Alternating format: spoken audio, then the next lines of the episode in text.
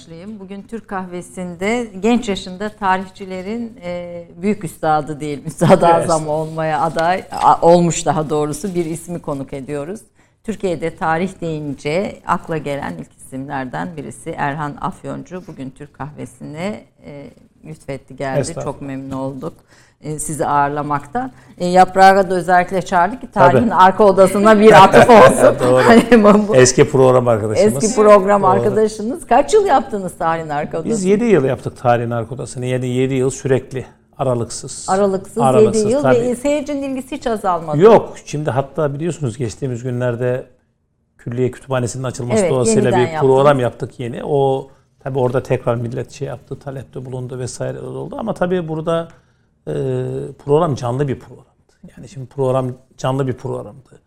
E, hiç ara vermiyordu. Her cumartesi standart olarak devam ediyordu. Mesela ben iki defa programa katılmadım. Murat Bey de bir iki defa katılmadı. Yani 8 yıl içinde iki kere. Tabii iki defa yani o bir yurt dışındaydım. Hı hı. Ee, öbüründe de bir Tokat'a gitmiştim.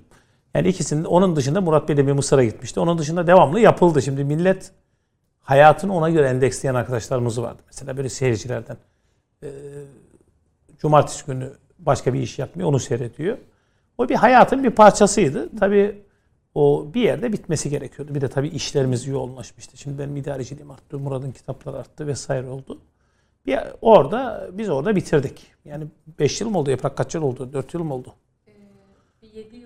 var bence. Oldu mu? 7, 7. 2007, 2014, 15, 15 gibi bitti herhalde. 14. Bak bitiş yılını bile hatırlamıyoruz. Yani öyle gidiyor. e, o kadar. En uzun yaptığınız böyle hatırladığınız programa dair şeyler var mıydı? Rekor, Tabii şimdi bizim 11, 11'i çeyrek geçe başlıyordu. Normalde 4-5 gibi bitiyordu. Fakat Mesela 8'e çeyrek kala bitirdiğimiz bir program. Sabah 8'e. Sabah 8, yani sabah 8 şey dönüyor, mesai tabii, dönüyor. Tabii mesai dönüyor. Şimdi bizde mesela kameraman arkadaşlar veya reji ikinci ekip gelirdi sabah. Bir bakarlar biz çalışıyoruz. Devralır onlar devam ederdi. Yani 8'e çeyrek kala yani ne demek? 8,5 saat İyi program yapmış. Yani ya şöyle tabii benim de hayat tarzı, Murat Bey'in de hayat tarzı gece çalışmaya endeksli bir hayat. Yani biz genelde mesela benim özellikle çocuklar vesaire yattıktan sonra oturup yazıyorsunuz, çiziyorsunuz sabaha kadar vesaire. O genelde öyle bir hayat tarzı orada programa uyuyordu. Yani programın sistemine de uyuyordu. Tabii burada insanların en büyük şeylerinden birisi bizi uykusuz bırakıyorsunuz filan vesaire derken millet de alıştıydı. Yani, yani uyup uyanıp tekrar sizin programı yayında gören de oluyor. Tabii şimdi ilk başladık mesela bizim bir arkadaşımız var. Daha ilk birkaç program daha konsept belli değil. Seyrettim diyor, yattım diyor artık diyor. Sabah namazına kalktım. Televizyonu bir açayım ne var diye bir baktım diyor. Orada canlı yayın yazıyor diye.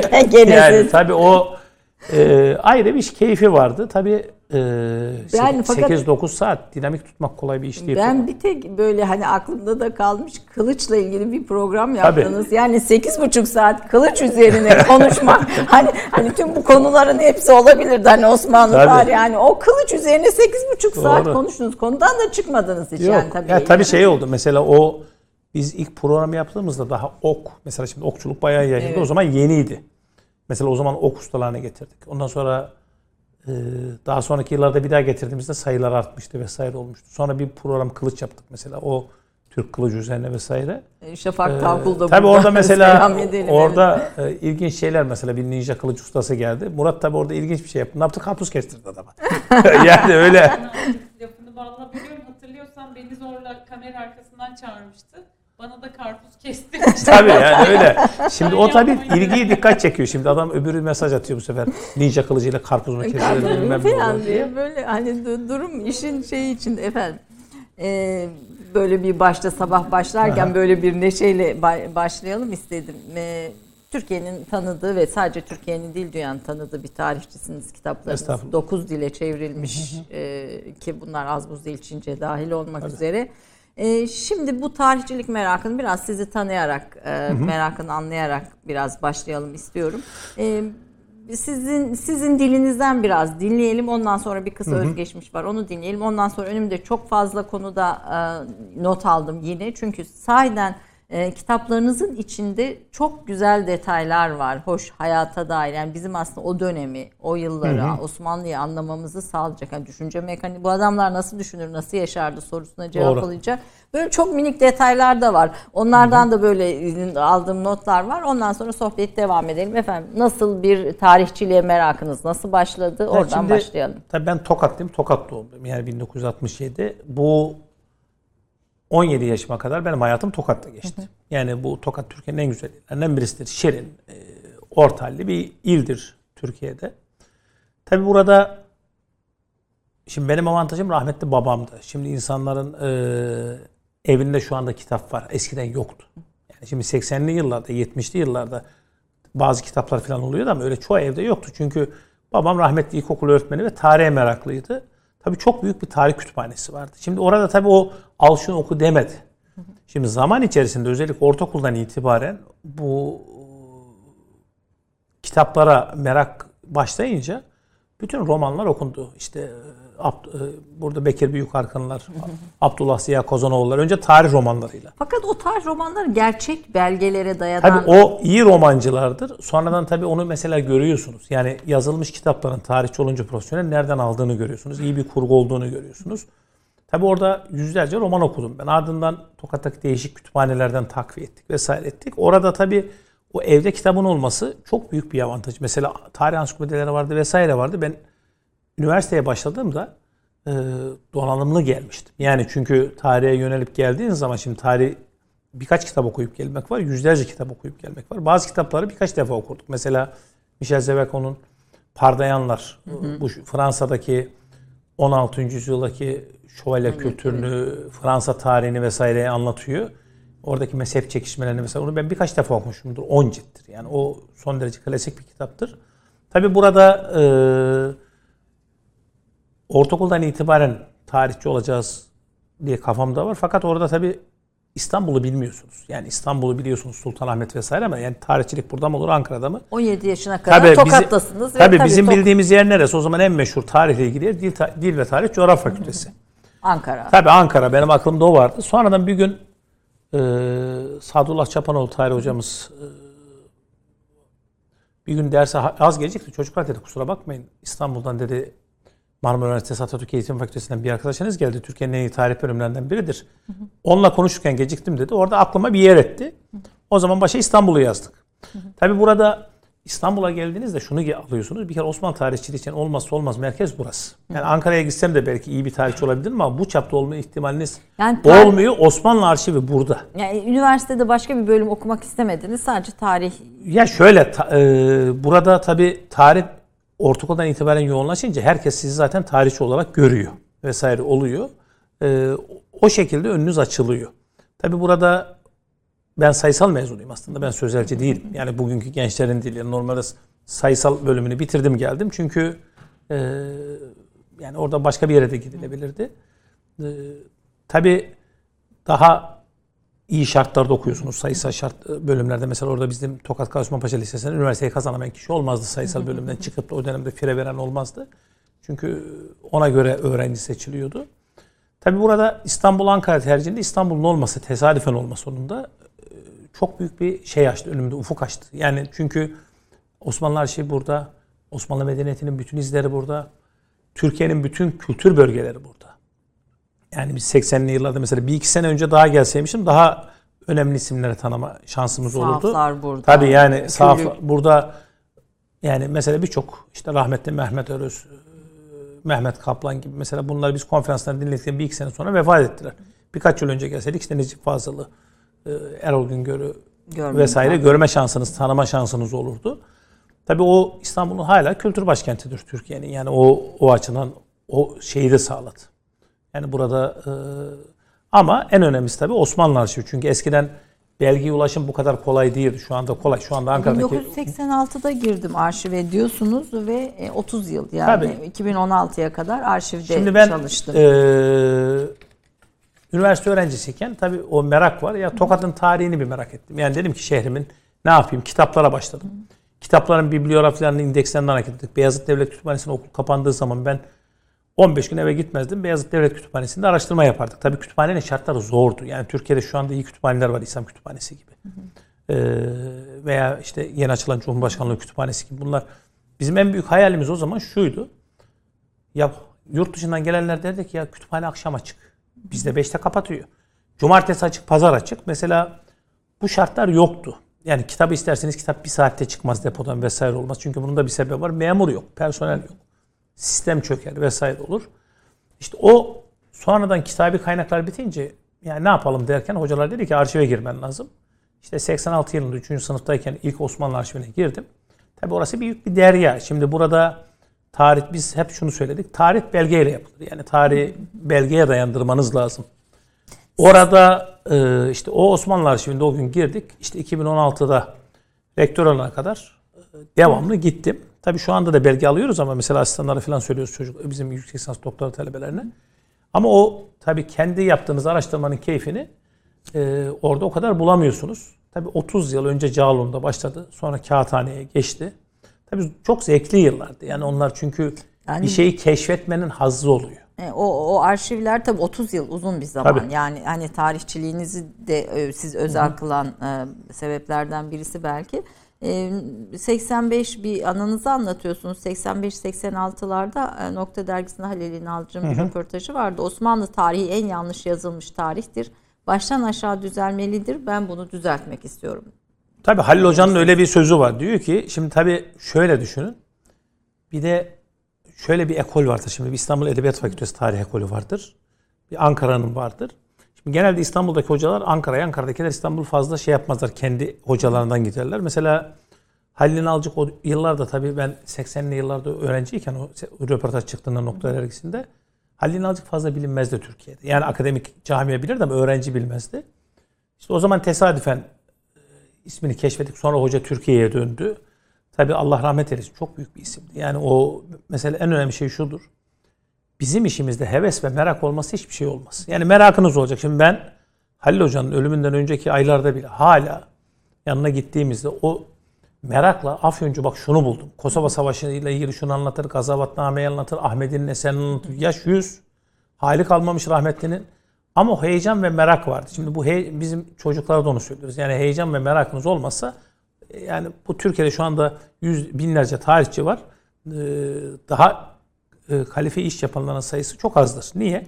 Çünkü hevesi yok, merakı yok. Normal devlet memurluğu gibi yapıyor, rutin yapıyor. Şimdi Halil Hoca tabi onu diyor. Diyor ki yani Osmanlı tarihi en yalnız, yanlış yazılmış tarihtir. Ben bunu düzeltmeye çalışıyorum. Ki çok şey yaptı ve en önemlisi yabancı dilde yazdığı kitaplar dünya literatüründe kullanılmaya başlandı. Yani Osmanlı'nın fetih siyasetiyle ilgili, ekonomik yapısıyla ilgili vesairesiyle ilgili. Tabi hocanın mesela Türkiye'nin dışına gitme sebeplerinden birisine 71'de Chicago'ya gidiyor. Çünkü hala bakın aynı problemler Türkiye'de kısmen azalsa da devam ediyor. Bir kitap lazım olduğu zaman Amerika'daki kütüphanede mutlaka oluyor. Olmadığı takdirde de yeni çıktıysa vesaire bir yerden getirtiyor üniversiteler. Üniversiteler bu sistem üzerine bakın Türkiye. Ben 84'te üniversiteye başladım. 2000'li 10'lu yıllara kadar başörtüsü meselesini tartıştı. Şimdi ben bir tane rektörün kalkıp o yıllarda sonradan belki olmuştur. Ya benim üniversitemin kütüphanesi yok. Benim kütüphanemin olması lazım. Bu üniversitenin iyi bir kütüphanesi olması lazım. Devlet destek verdi. Ya kızlar başörtüsünü örtün mü örtmesin. Bakın 30 yılımız bu, Gereksiz 30 yılımız bununla gitti. Evet. Yani ben öğrenciyken başladım, asistandım, profesördüm, profesör oldum. Anca bitti. Şimdi ama biz bunu tartışmadık. Yani bu ülkenin kardeşim iyi bir kütüphanesi olması lazım. Yapanlar var bakın. sen Bilkent'in kütüphanesi iyidir. Mesela İstanbul Üniversitesi'nin kütüphanesi iyidir ama imkanlar eskisi gibi değil, sınırlı değil. Veya mesela hoca diyordu ki rahmetli, bana bir kitap lazım oluyor Japonya'dan. Üniversite hemen getirtiyor. Şimdi Türkiye'de mesela böyle bir mekanizma yok. Biz nasıl getiriyoruz? Eşe dosta. Mesela şimdi Avustralya'da basılmış. Ee, bir kitap lazım oldu. Ee, bizim Marmara Üniversitesi'nden Nuha Santaş orada ateşe şu anda. Nuha telefon ettim ya rica ederim. Yani onun sayesinde getirebilirsek getireceğiz. Çünkü akademik araştırmaya yönelik dizayn edilmemiş üniversiteler Türkiye'de. En büyük problemlerden birisi bu. Yani bizim üniversitelerden gerçek manada verim alamamızın sebebi de bu. Ve Yani bir şeyler üretmesi lazım veya bilimsel araştırmalar yapılırken e, Türkiye'nin öncelikli meselelerine yönelik işler yapılması lazım. Mesela tarih alanda da bu yapılmıyor. Biz siz de hatta bununla ilgili olarak e, diyorsunuz ki Türkiye'nin en acil işi budur. Bu tarihi bilgilerin akademik düzeltilmesi gerekir. Bu şekilde ders kitaplarından Tabii. başlamadır. Yani en çok yanlış olarak gördüğünüz şey neydi? Yani hepimizin işte ders kitapları veya işte okuduğumuz kitaplarda Şimdi gördüğümüz. ders kitaplarının tabii şöyle bir şey oldu ben. E, Sayın Cumhurbaşkanımızla da bir iki defa görüştüm bu mesele. Milli Eğitim Bakanları ile görüştüm. Tam ders kitaplarının yeniden yazılmasında hatta ben yazacaktım. Fakat sonra rektör olunca kaldı. Yani çünkü idari büyük bir ağrı yük var. Biz o sırada müfredatın kısmen düzeltilmesine yardım ettik. Şimdi bizim müfredat yani bu yalnızca tarih için değil. Diğer bazı dersler için de mesela Türkçe için de lüzumsuz bilgiyle dolu. Evet. ayıklan- Biz çocuklara ansiklopedik bilgi verme mantığını koymuşuz. Şimdi burada o kadar tar- tarihinde problemi şu ben tarih ders kitaplarını inceledim. Osmanlı dönemindeki 1861'deki Fezleke Osmaniye'den başlıyor tarih ders kitapları. Cumhuriyete geçince Cumhuriyet, Cumhuriyetle ilgili bazı düzeltmeler yaparak devam ediyor. Aşırı bir bilgi veriliyor. Şimdi bu aşırı bilgi profesyonel tarihçinin alması gereken bilgi. Öğrencinin, ya şimdi 16. yüzyıldaki İran savaşlarının teferruatını bir öğrencinin öğrenmesine gerek yok. Şimdi mesela bunu ben e, hep söylerdim. Eşim de tarihçi. O da derdi ki yani bunu sorma, bu üniversite imtihanına çıkıyor. Şimdi bir de böyle bir handikap var. Tarih öğretmeni bilgiyi daha kalifiye tarzda anlatabilir. Ama anlattığı ta- takdirde bu sefer üniversite imtihanında soru çıkacağı için anlatmadığı yerden çıktığı zaman hocanın öyle bir şey şansı yok. Şimdi burada yani bizim en büyük problemimiz verdiğimiz bilginin lüzumlu mu, lüzumsuz mu? İleride bu çocuk tarafından hazmediliyor mu, hazmedilemiyor mu? Bunun analizi yapılamıyor. Evet. Yani bakın tarihi bırakın. İlkokuldan itibaren en yoğun gösterilen ders ne? Türkçe. İyi bir Türkçesi var mı liseyi bitiren çocuğun? Yok. evet. Üniversiteye gelen Yani bunun problemi şu. Ben bir bazen çocukların ders kitaplarına bakıyorum bizim e, oğullarımın. Yani afakanlar basıyor. Yani eki, kökü vesairesi yani böyle Türkçe olmaz. Yani hiçbir şey yapılmasa bakın ilkokuldan itibaren bu çocuklara hiçbir gramer mınamer verilmeden belli kitaplar okutulsa daha iyi Türkçeler olur. Yani bu İngilizcenin öğretilememe sebebi de o. Ansiklopedik öğretiliyor her şey. Ansiklopedik öğretil kullanılmadığı için öğretilemiyor. Şimdi tarih kitaplarında da bu öncelikle konular yerine klasik e, şeyler anlatılıyor. Mesela biz bu son ders kitaplarına şeyi koydurduk. Mesela Osmanlı'nın günümüz modern dünyasına tesirleri var. Protestanlıktan tutun Fransa'nın ayakta kalmasına evet, kadar. de Mesela bunları biz mesela yeni ders kitaplarına girdi. Ben o zaman müfredatta e, Alparslan Bey vardı o zaman talim terbiyede. O zaman oturduk konuştuk bir kısmı düzeltildi. Ama bunun daha iyi tarzda elden geçmesi lazım. Yani çocuklara e, lüzumsuz bilgi yerine tarihte daha kalifiye bilgileri vermemiz, kullanacakları bilgileri vermemiz lazım. Bunun bütün ders kitaplarında yapılması lazım. Şimdi fizik dersinden basit şey ben sayısalcıyım. Fizik dersi f- sade formüle boğarsanız çocuk hayatta bağlantısını kuramıyor. Yani Aslında burada mesele tarihle bağlantıyı kuramamak. Yani Tabii. mesela bir, bir Cumhuriyet tarihi, Cumhuriyet öncesi mesela çok Tabii. konuşuyoruz Kurtuluş Kurtuluş Savaşı. Ben böyle bir hayret etmiştim bir iki lise mezunu e, gençle konuşurken İstanbul'un işgal edildiğini e, bilmiyorlardı yani işte Cumhuriyet kurulmadan önce İstanbul bir işgal şöyle, İngilizler tarafından işgal edildiği bilgisini şaşkınlıkla Tabii ders kitaplarında karşıladılar. aslında o bilgi var. Ama o kadar çok şeyin içine koyuyorsunuz ki boğuluyor bilgi. Yani gidiyor. Veya günümüzde mesela Türkiye'nin birçok stratejik meselesi var. 12 ada meselesi var, Ege Denizi var vesaire var. Bugün de Şimdi bunlarla ilgili çocukların aklına bir şeyler konulması lazım. Yani bunlar Türkiye'nin milli meseleleri. Şimdi Ermeni meselesi vesaire öğretiliyor ama hangi tarzda öğrettiğinize bağlı, eldekini vermenize bağlı. Siz bu, burada farklı bir tarihçilik e, de yaptınız, tarih araştırmacılığı yaptınız. Sadece yerli kaynaklara yani arşivde bulduğunuz Osmanlı kaynaklarına değil, yabancı kaynaklara Tabii. da e, baktınız ve diyorsunuz ki ben söylediğim bir şeyin tersine bir belge bulsam bunu değiştiririm. Tabii. Yani ve tarih sürekli değişmek zorunda, Tabii. bilgiler tazelenmek zorunda. Biraz bunu da açın istiyorum. Yani biz ezberleri bozmaktan korkuyor muyuz tarihte? Ya şimdi tabii şöyle siz bilimsel bir şey bir araştırma buldunuz ortaya bir şey koydunuz bir tez. Daha sonraki araştırmalarda bunun yanlış olduğunu ortaya çıktı. Şimdi bilim namusu oradaki bilgiyi düzeltmenizi gerektirir. Yani ama bu şu olabilir. Ee, ya işte ya daha önce hoca söyledi tükürdüğünü yalıyor. Ya bu bundan bilimde korkulmaz. Yani çünkü bir sürekli olarak e, tabii pozitif bilimlerde bu daha fazla var ama sosyal bilimlerde de alan genişliyor. Yeni bilgiler ortaya çıkıyor. Geçmişteki bazı bilgilerin yanlış olduğu ortaya çıkıyor. E, mesela bir Osman Gazi'nin parası meselesi vardır. Birkaç defa değişmiştir. Şimdi siz literatürü takip edebilirseniz bunu görürsünüz. Şimdi önce Osman Gazi'nin parası yok biliyorduk. Sonra Osman Gazi'nin parası var diye biliyorduk. Sonra o para sahte çıktı vesaire. Çünkü sürekli bir şey oluyor. Yani ortaya yeni bir şey konuluyor, konulmuyor. Veya işte Fransa'ya ilk kapitülasyonlar verildi, verilmedi. Yani bazısı onu yazıyor, bazısı bunu yazıyor. Tabii özellikle Osmanlı İmparatorluğu 600 yıl süren ve 30'dan fazla devlette iç içe olduğu için devlet ve millette e, çok farklı kaynaklar var. Mesela Osmanlı'nın ilk dönemi için İtalyan kaynaklar en elzem kaynaklar. Mesela biz bunları e, Yeditepe Yayın Evi'nde Balyoz Venedik Elçiler raporlarının bir kısmını tercüme ettirdik. Evet. Bu, Veya orada e, orada vardı galiba bir tanesi gördüm. tür askeri i- isyanlar var. Yok yok orada değildi o başkaydı herhalde kaldı. Ha orada orada Burada, mesela burada. tabii o mesela Venedik elçilerin raporlarına göre Tabii bunlar Osmanlı 3-4 Tuşan- tane çıktı daha da çıkacak. Şimdi bunlar şundan iyi. şöyle göstereyim. Şimdi mesela Bizim e, kitaplar tarih kitap bilineni tarif etmez. Şu anda şöyle düşünün. E, yani bir Cumhurbaşkanlığında, Başbakanlıkta eskiden olup biten rutin işler var. Şimdi bunları e, siz rutin yapıyorsunuz veya burada televizyon programında ama buraya gelen farklı birisi diyor ki ya işte burada kameraman şurada duruyor, Ayşe Hanım burada oturuyordu, Yaprak şöyle oturuyordu, Ayşe Hanım konsept.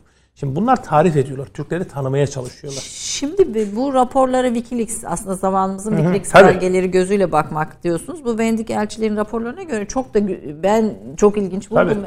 E, fiziki tarifler ya adamın e, sakalının ne yöne baktığına dair hani işte kızıl sakallı, be- bo- bacağı kısa, böyle beli bilmem ne filan.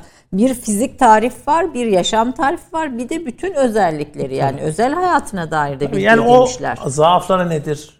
Şeyleri nedir? Mesela diyor ki bizi diyor Hristiyanları sevmez diyor. Öbürü diyor paraya düşkündür diyor. Bunu daha sonra İtalyanlardan sonra Venediklerden sonra İngilizler yapmışlar Kim aynısını. bu büyük elçiler mi? Venedik Tabii tabii. büyük Venedik elçileri İstanbul'daki balyoz dediğimiz elçiler bunlar buradayken Bunların isimlerine Ee, mi balyoz diyoruz? balyoz elçi, büyü- Venedik elçisine verilen isim. Verilen isim. Verilen Bu isim. evet. Bu tabii bunların iki türlü şeyler oluyor. Bir döndükleri zaman senatoda bir rapor sunuyorlar. Yani Türkiye'yi anlatıyor. Bir de bunların günlük raporları var dispatch denilen. Bunlar relaziler. Bu relaziler yayınlanmış. Mesela dispatchlar günlük yazışmalar onlarda daha büyük teferruat var. Mesela İstanbul'da bugün şu oldu. İşte efendim e, isyan çıktı veyahut işte efendim padişahın oğlu öldü, kızı öldü. Şimdi mesela bizim tarihler çoğu şeyi yazmaz. Yani e, gerek görmezler. Şimdi bunlar halkın içindeki her türlü bilgiyi yazıyor. Tabii bunların dezavantajı da şu, doğruluğunu analiz edebilmeniz lazım. Yani çünkü mesela günümüzde de halkın arasında konuşulan bir sürü şey vardır. Fakat bu doğru doğru veya yanlış onu bil- e, bilmeden Çe- birisi kaleme geçirdiği zaman analizinin yapılması lazım. Hayır doğru olmasa bile halkın o dönemde ona inandığını gösteriyorsunuz. Mesela ilginç bir şey bu Venedik elçilerinde. Halk mesela kalkıyor orada diyor ki ya işte bu 3. Murat diyor Yahudi asıllıdır diyor. Ee, bunun diyor annesinin diyor erkek çocuğu olmayınca diyor bir Yahudi kadınla diyor İkinci Selim'in eşi e, Nur- e, çocukları değiştirmiş diyor. Padişahın anne, padişah da o yüzden Yahudi soyundan gelir diye halk arasında böyle konuşulur diye yazmış. Tabii bu doğru değil ama halkın arasında böyle bir dedikodu var. Yani onu naklediyor gibi. Şimdi bunlar tabii son de Osmanlı ordusunu tarif ediyor, donanmasını tarif ediyor. Başka elçilerin, İsveç elçilerinin de gördüğüm Sonra şöyle tabii sonraki Fransız dönemlerde öbürlerinin de var ama bu kadar şey muazzam değil. Bunlar e, Venedik elçileri. Venedik zaten Avrupa'nın haber alma kaynağı. Yani Venedik büyük bir şehir. Büyük bir emperyalist devlet, şehir devleti ama daha sonraki dönemlerde tabii 17. yüzyıldan sonra İngilizler, 16'dan sonra Fransızlar. Zaman zaman İsveçler geliyor. Mesela İsveçlerin ilginç şeylerinden birisi de şudur. E, resim yaptırtıyor. Mesela Ralamp geliyor. Burada sultanın alayını resmettirmiş. Mesela daha sonra gelen İs- İsveç'te biz Ruslara karşı ittifak yaptığımız için aramız daha iyidir. Daha fazla gezme şansı buluyorlar. Tabii bunlar muazzam kaynaklar. Alman kaynakları, Prusya kaynakları daha sonra. Bunlarla birleştirilmesi lazım. Mesela Halil Hoca da buna çok dikkat ederdi. Mesela biz iki tane büyük Almancadan tarih çevirdik. Bu benim hayalimdi. Bakın bu e, şimdi Türkiye'de büyük kurumlar var. Mesela bunlardan birisi tarih kurumu. Büyük maddi imkanları var kurumsal işleyişlerinde sıkıntı var. İnşallah düzelecek. Şimdi burada mesela bu kitapları zamanda tarih konu bu tür kitapları çevirtmiş. Aslında Türkiye'de düşünülmeyen hiçbir şey yok. Bakın Türkiye'de bizim veya sizin veya yaprağın işte kendi alanında ya şu yapısın bunlar çoğu düşünülmüştür. Uygulama safhasına girmede ve planlamada problem var. Türkiye'nin en büyük problemi bu. Tarih kurumu zamanında Türk tarihinin kaynakları diye birçok yabancı dilde eseri tercüme ettirmiş. Yayınlamış. Bir kısmını da tercüme ettirmiş. Kütüphanede duruyordu. Şimdi tarih kurumu bunları neşretiyor düşünün. Halil İnalcık bile mesela o dönemde Halil Hoca iki tane Fransa'dan kitap tercüme etmiş. Bu 30-40 sene bu kitaplar kütüphanede el yazması, el yazısı olarak durdu. Daha sonra Ali Birinci Tarih Kurum Başkanı olunca bunları yavaş yavaş neşrettirmeye başladı. Rusçadan tercüme ettirmişler, Gürcüce'den, Ermenice'den, İngilizce'den, Fransızcadan. Şimdi bu tür bunların devam etmesi lazım. İşte o zaman Yorga ve Zinkayzen diye iki tane büyük tarihçi var. İlk Osmanlı tarihleri Almancadır. İlk Hammer'dir. Evet. Hammer tercüme edilmiştir. Parça parça. O önce Osmanlı Türkçesine sonra Latin'e falan aktarıldı. Ardından Zinkayzen isimli bir Alman vardır. Ardından Yorga isimli Romanya Başbakanı vardır. Şimdi Hammer Türkçe'de iyi kötü vardı. Zinkayzen ve Yorga yoktu. Yorga'yı biz ilk tercüme ettirdik 2005-2006'larda. O zaman Nülfer Epçeli var. Ee, Çok büyük bir mütercimdir. Kendisi Trakya Üniversitesi'nde. e, revizesini yaptık vesairesini yaptık. Tabi o zaman e, ardından 2011'de Zinkaizen çıktı YTP yayınlarından. Tabi Zinkaizen Gotik Almanca 7000 sayfadır. Ve bunlar Avrupa kaynaklarına göre Osmanlı'yı anlatıyorlar. Mesela bunlar Osmanlı siyaset ve ekonomik tarihi için son derece önemli kitaplar. Ama bunların e, bir özel yayın evinden ziyade devletin büyük kurumların içinde yapılması lazımdı. Yani bu en YTP yayın evi destek verdi çünkü bunlar 6-7 sene tercüme parası veriyorsunuz. Bir tabii uzun ha, bir Yani uzun bir süre. Şimdi bir yayın evi için ekonomik ve rentable değil. Mustafa Bey sağ olsun. Yani bunu göze aldı. Evet. Şimdi ama şimdi bir devlet kurumuna bu etkilemez. Yani devlet kurumu bütçesinden ayrı yapar. Ama burada tabii o mantığı olması lazım. Evet bunu yerleştir bir kısa reklam arasından deminden bir yönetmenimiz e, söylüyor. Efendim kısa bir reklam arası ondan sonra bu değerli sohbete devam edeceğiz. 30 saniye reklam arası. Türkiye'nin tek haftalık haber dergisi Gerçek Hayat, gündemi yakından takip ettiği dosya ve röportajlarıyla her pazartesi okuyucusuyla satış bayilerinin raflarında buluşuyor. Gerçek Hayat artık sayfalardan dijitale taşıyor. Sayfalara sığmayan yazılar, röportajların perde arkası, interaktif içerikler. Gerçek Hayat artık size daha yakın. Tüm içeriklerden ilk haberdar olmak istiyorum diyenler. Gerçek Hayat, GZT'nin sosyal medya hesaplarına davet ediyor. Reklam arası sona erdi.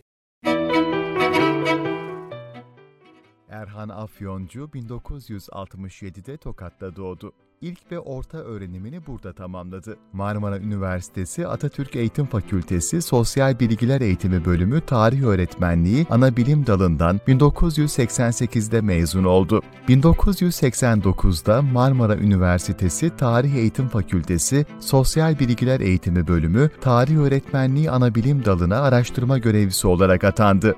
Yüksek lisansını Marmara Üniversitesi'nde Necati Efendi Tarihi Kırım isimli teziyle 1990'da tamamladı. 1997'de Osmanlı Devlet Teşkilatı'nda Defterhane-i Amire isimli tezle doktorasını bitirdi. 2001'de Marmara Üniversitesi Fen Edebiyat Fakültesi Tarih bölümüne geçti. 2008'de doçent, 2014 yılında profesör oldu. Marmara Üniversitesi Fen Edebiyat Fakültesi'nde Tarih Bölüm Başkan Yardımcılığı, Yeni Çağ Tarihi Anabilim Başkanlığı, Sosyoloji Bölüm Başkanlığı ile fakülte ve yönetim kurullarında üye olarak vazife yaptı. 2012'de Atatürk Kültür, Dil ve Tarih Yüksek Kurumu Yönetim Kurulu üyeliğine atandı. 2016'da Marmara Üniversitesi Fen Edebiyat Fakültesi dekanı oldu. Ekim 2016'da Milli Savunma Üniversitesi rektörlüğüne atandı. Tanzimat öncesi Osmanlı Tarihi Araştırma Rehberi, Sahte Mesih Osmanlı belgeleri ışığında Dönmeliğin kurucusu Sabetay Sevi ve Yahudiler, Osmanlı Devleti Teşkilatı'nda Defterhane-i Amire, Süleyman Şah Türbesi, Turhan Sultan isimli akademik kitaplarının yanında akademik bilgileri popüler dille kaleme aldığı Sorularla Osmanlı İmparatorluğu, Turvan'ın İntikamı, Yavuz'un Küpesi, Baltacı ve Katarina, Kösem Sultan, Osmanlı İmparatorluğu'nda askeri isyanlar ve darbeler, Fransa'ya Osmanlı tokadı, 1453 Panorama Tarih Müzesi, Osmanlı'nın hayaleti, Muhteşem Süleyman adlı eserleri vardır. Osmanlı bürokrasisi, savaş tarihi, aşiretler, Osmanlı tarihçileri ve tarih yazıcılığı üzerine araştırmalar yapmaktadır. Eserleri İngilizce, Almanca, Çince, Sırpça, Makedonca, Arnavutça, Arapça, Korece ve Romenca'ya çevrilmiştir. Akademik çalışmalarının yanı sıra popüler tarih yazıları da yazmaktadır. Profesör Doktor Erhan Afyoncu evli ve üç çocuk babasıdır.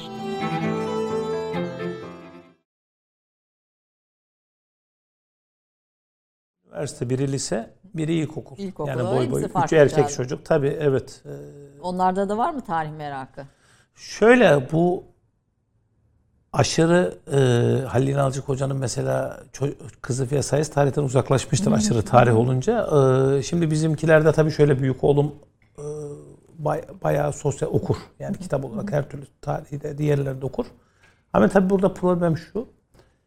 Mesleğin Türkiye'de bizim tarihçilik başta olmak üzere özellikle sosyal bilimlerdeki mesleklerin itibarı yok. Şimdi sayısaldaki bir çocuk ben ne dedim sayısaldan tarihe geldim. Şu anda sayısaldaki bir çocuğa tarihe getirme ihtimaliniz yok. Evet. Yani Türkiye'nin bakın en büyük problemlerden birisi temel bilimler olmak üzere. İşte fizik, matematik, felsefe, e, tarih, edebiyat gibi buralara bizim tıp fakültesine gidecek öğrencileri getirmemiz Getirmemiz lazım. lazım. Şimdi tıp fakültesine zeki çocuklar gitmesi lazım, gidiyorlar zaten. Ama bunların bir kısmının, bakın sadece tarih için demiyorum, fizik okuması lazım. Matematik okuması lazım, biyoloji, kimya. Bu şimdi Türkiye'nin yani burada aslında çocuklar gelmek istiyor. Mesela biz televizyon programı yaparken eee, bunu gördük. Fen Lisesi'nden bana çocuklar geliyordu. Evet. İstanbul ama bunları bir cazibe merkezi haline getirmemiz lazım. Bu da devlet desteğiyle olur. O yüzden biraz çocuklar diyorsunuz. Evde çok tarih konuşmaktan hafif Yani tabii o kadar şey diyorlar. Ben mesela e, büyük olma konuştum dedim ki bak istediğin şeye gidebilirsin. Hangi- Yani arkeoloji şey vesaire tavsiye ettim. Mesela şey yapmadı. bilgi. Yani ilgilenmedi o kadar. Çünkü bunun dediğimiz gibi bir albenisinin olması lazım. Lazım. Yani devletin antropoloğunu kendisinin yetiştirmesi lazım. Evet. Çünkü bu antropolojiye vesaire bu, bu bölümlere çok düşük puanlı çocuklar gidiyor. Şimdi tabii kitap okuyorlar. Evde kitap olunca çocuklar okuyor kitap. Yani orada problem olmuyor ama tabii bunlar farklı bir neslin çocukları. Bir taraftan da bir taraftan Tabii. dijitalle büyüyorlar. farklı bir şey. Tabii. E, eşiniz de tarihçi. Evet. Fatma Afyoncu. O da e, önemli araştırmaları Tabii o da eserleri- yüksek lisans yaptı. Yüksek lisans. Ama sizin kitap sayınız ne kadar oldu hocam? Vallahi tam saymadım. Tam yani popülerle şeyi saymadım. Yani. Herhalde bir 30'u sanki var gibi Yani ortalık. yok şöyle tabii editörlüğünü yaptığımız kitaplarla birlikte vardır. Bir 30'u vardır ama Aha. eşinizin iki tane önemli kitabı var. Tabii. An ciddi ve sahasında e, da kendi sahasında özgün kitabı var. Şimdi siz bu kadar kitap yazarken bilmiyorum evde iş bölümünde şey mi oluyor böyle biraz Fatma Hanım'a fazla mı yükleniyor ki onda Tabii şöyle üç tane erkek çocuğun şeyi var. yükü var. Bir de zor tabii erkek çocuk yetiştirmek daha zor. Yani kolay değil çünkü anneye yardım etmeleri vesairesi e, o kadar olmuyor. Tabii orada e, öğretmenlik hayatı vardı. Şimdi emekli oldu. Bu tabii o iki tane yüksek lisans yaptı. Oradan birisi mimarlar, birisi İstanbul'un işgali üzerine. Tabii orada e, bir taraftan tabii biz akademisyen olduğumuz için ev hayatımızda fazla yardımımız söz konusu olamıyor. Olamıyor. Evet Yani. burada biraz yükü gene Fatma. Hanım'ın üzerine Doğru. kalmış biraz gibi görünüyor. Ee, ama iki akademisyenin bir evde doğrusu e, çal- çalışması da e, çok kolay olmasa Tabii gerek. zor yani fedakarlık yapıyor yani. Daha kendi hayatından fedakarlık Biraz yapıyor. da. Siz yapıyorsunuz. Tabii orada e, çocukların büyümesiyle birlikte problemler de büyüyor. Yani daha fazla mesela küçükken bize demişler ki büyüdüklerinde problemler daha fazla artacak. Dedikleri doğruymuş mesela onu görüyorsunuz. Biraz öyle oldu. Tabii. Sizin kadın sultanlara Osmanlı tarihinde de büyük e, ilginiz var. Özellikle Turhan Sultan e, çalışmanız zaten e, ve bunun üzerine yazılmış kitaplarınız var yine. Kösem Sultan, Turhan Sultan. Niye Turhan Sultan'ı bu kadar önemsiyorsunuz? Ya şöyle Turhan Sultan 17. yüzyılın ortalarında yaşamış 4. Mehmet'in Avcı Mehmet dediğimiz padişahın annesi. Turhan Sultan'ın olduğu dönemde devlet büyük bir kaos içinde. Yani yönetim zafiyeti var. Niye var? 6 yaşında bir çocuk tahta çıkmış. Şimdi devlet mekanizmasında bir kargaşa ve kaos var. Osmanlı İmparatorluğu dünyanın değişmesinden dolayı ekonomik, askeri sıkıntıları var. Turhan Sultan o dönemde devleti ayakta tutan, tutan kişidir. Yani devletin direği olmuştur. Ee, bir de şöyle düşünün. Kadın yönetimi Avrupa'da bile çok zor kabul edilmiş bir hadisedir. Mesela 18. yüzyılda Maria Teresa Avusturya tahtına çıktığı zaman bütün Avrupa'da büyük olay oluyor. Avusturya'ya saldırıyorlar bir kadın burayı yönetemez vesaire diye. Şimdi Osmanlı'da zaten böyle bir şey zaten e, o dönemde kolay algılanacak bir şey değil. Perde arkasından devleti yönetiyor. Mesela şu Turhan Sultan kitabında biz Turhan Sultan'ın emirlerini yayınladık. Şimdi bunun orijinal tarafı odur, akademik bir çalışmadır. Bu kendi el yazısı emirleri var. Ee, orada Doktora teziniz diye hatırlıyorum ama yanlış. yok doktor tezim defterhane amire Defterhane onu, onu amiri, getiremedim. Onu, onu unutmuşum ben. O daha teknik bir şeydi. Ma- şey, Şimdi maliye, e, Mali mali, mali mali, tımar sistemi üzerine bir bürokrasi. Şimdi Turhan Sultan'ın buradaki emirlerine baktığınızda iyi bir yöneticinin vasıflarının olduğunu görüyorsunuz. Kadının e, sadece saraya kapanıp kalmadığını. Mesela diyorlar ki barut yok diyorlar. Mesela Girit'e asker gönderilecek. Ya şurada şu şu depoda barut yok mu diyor. Mesela Ve- veya Yani mesela bu haberdar oluyor mu bunlar? oluyor Yani olduğunu görüyorsunuz. Mesela Üsküdar, Üsküdar'daki diyor Üsküdar'daki diyor eşkıyalar ne oldu diyor. Eyüp'te diyor havai fişek atan kimdi diyor. Takip edin diyor.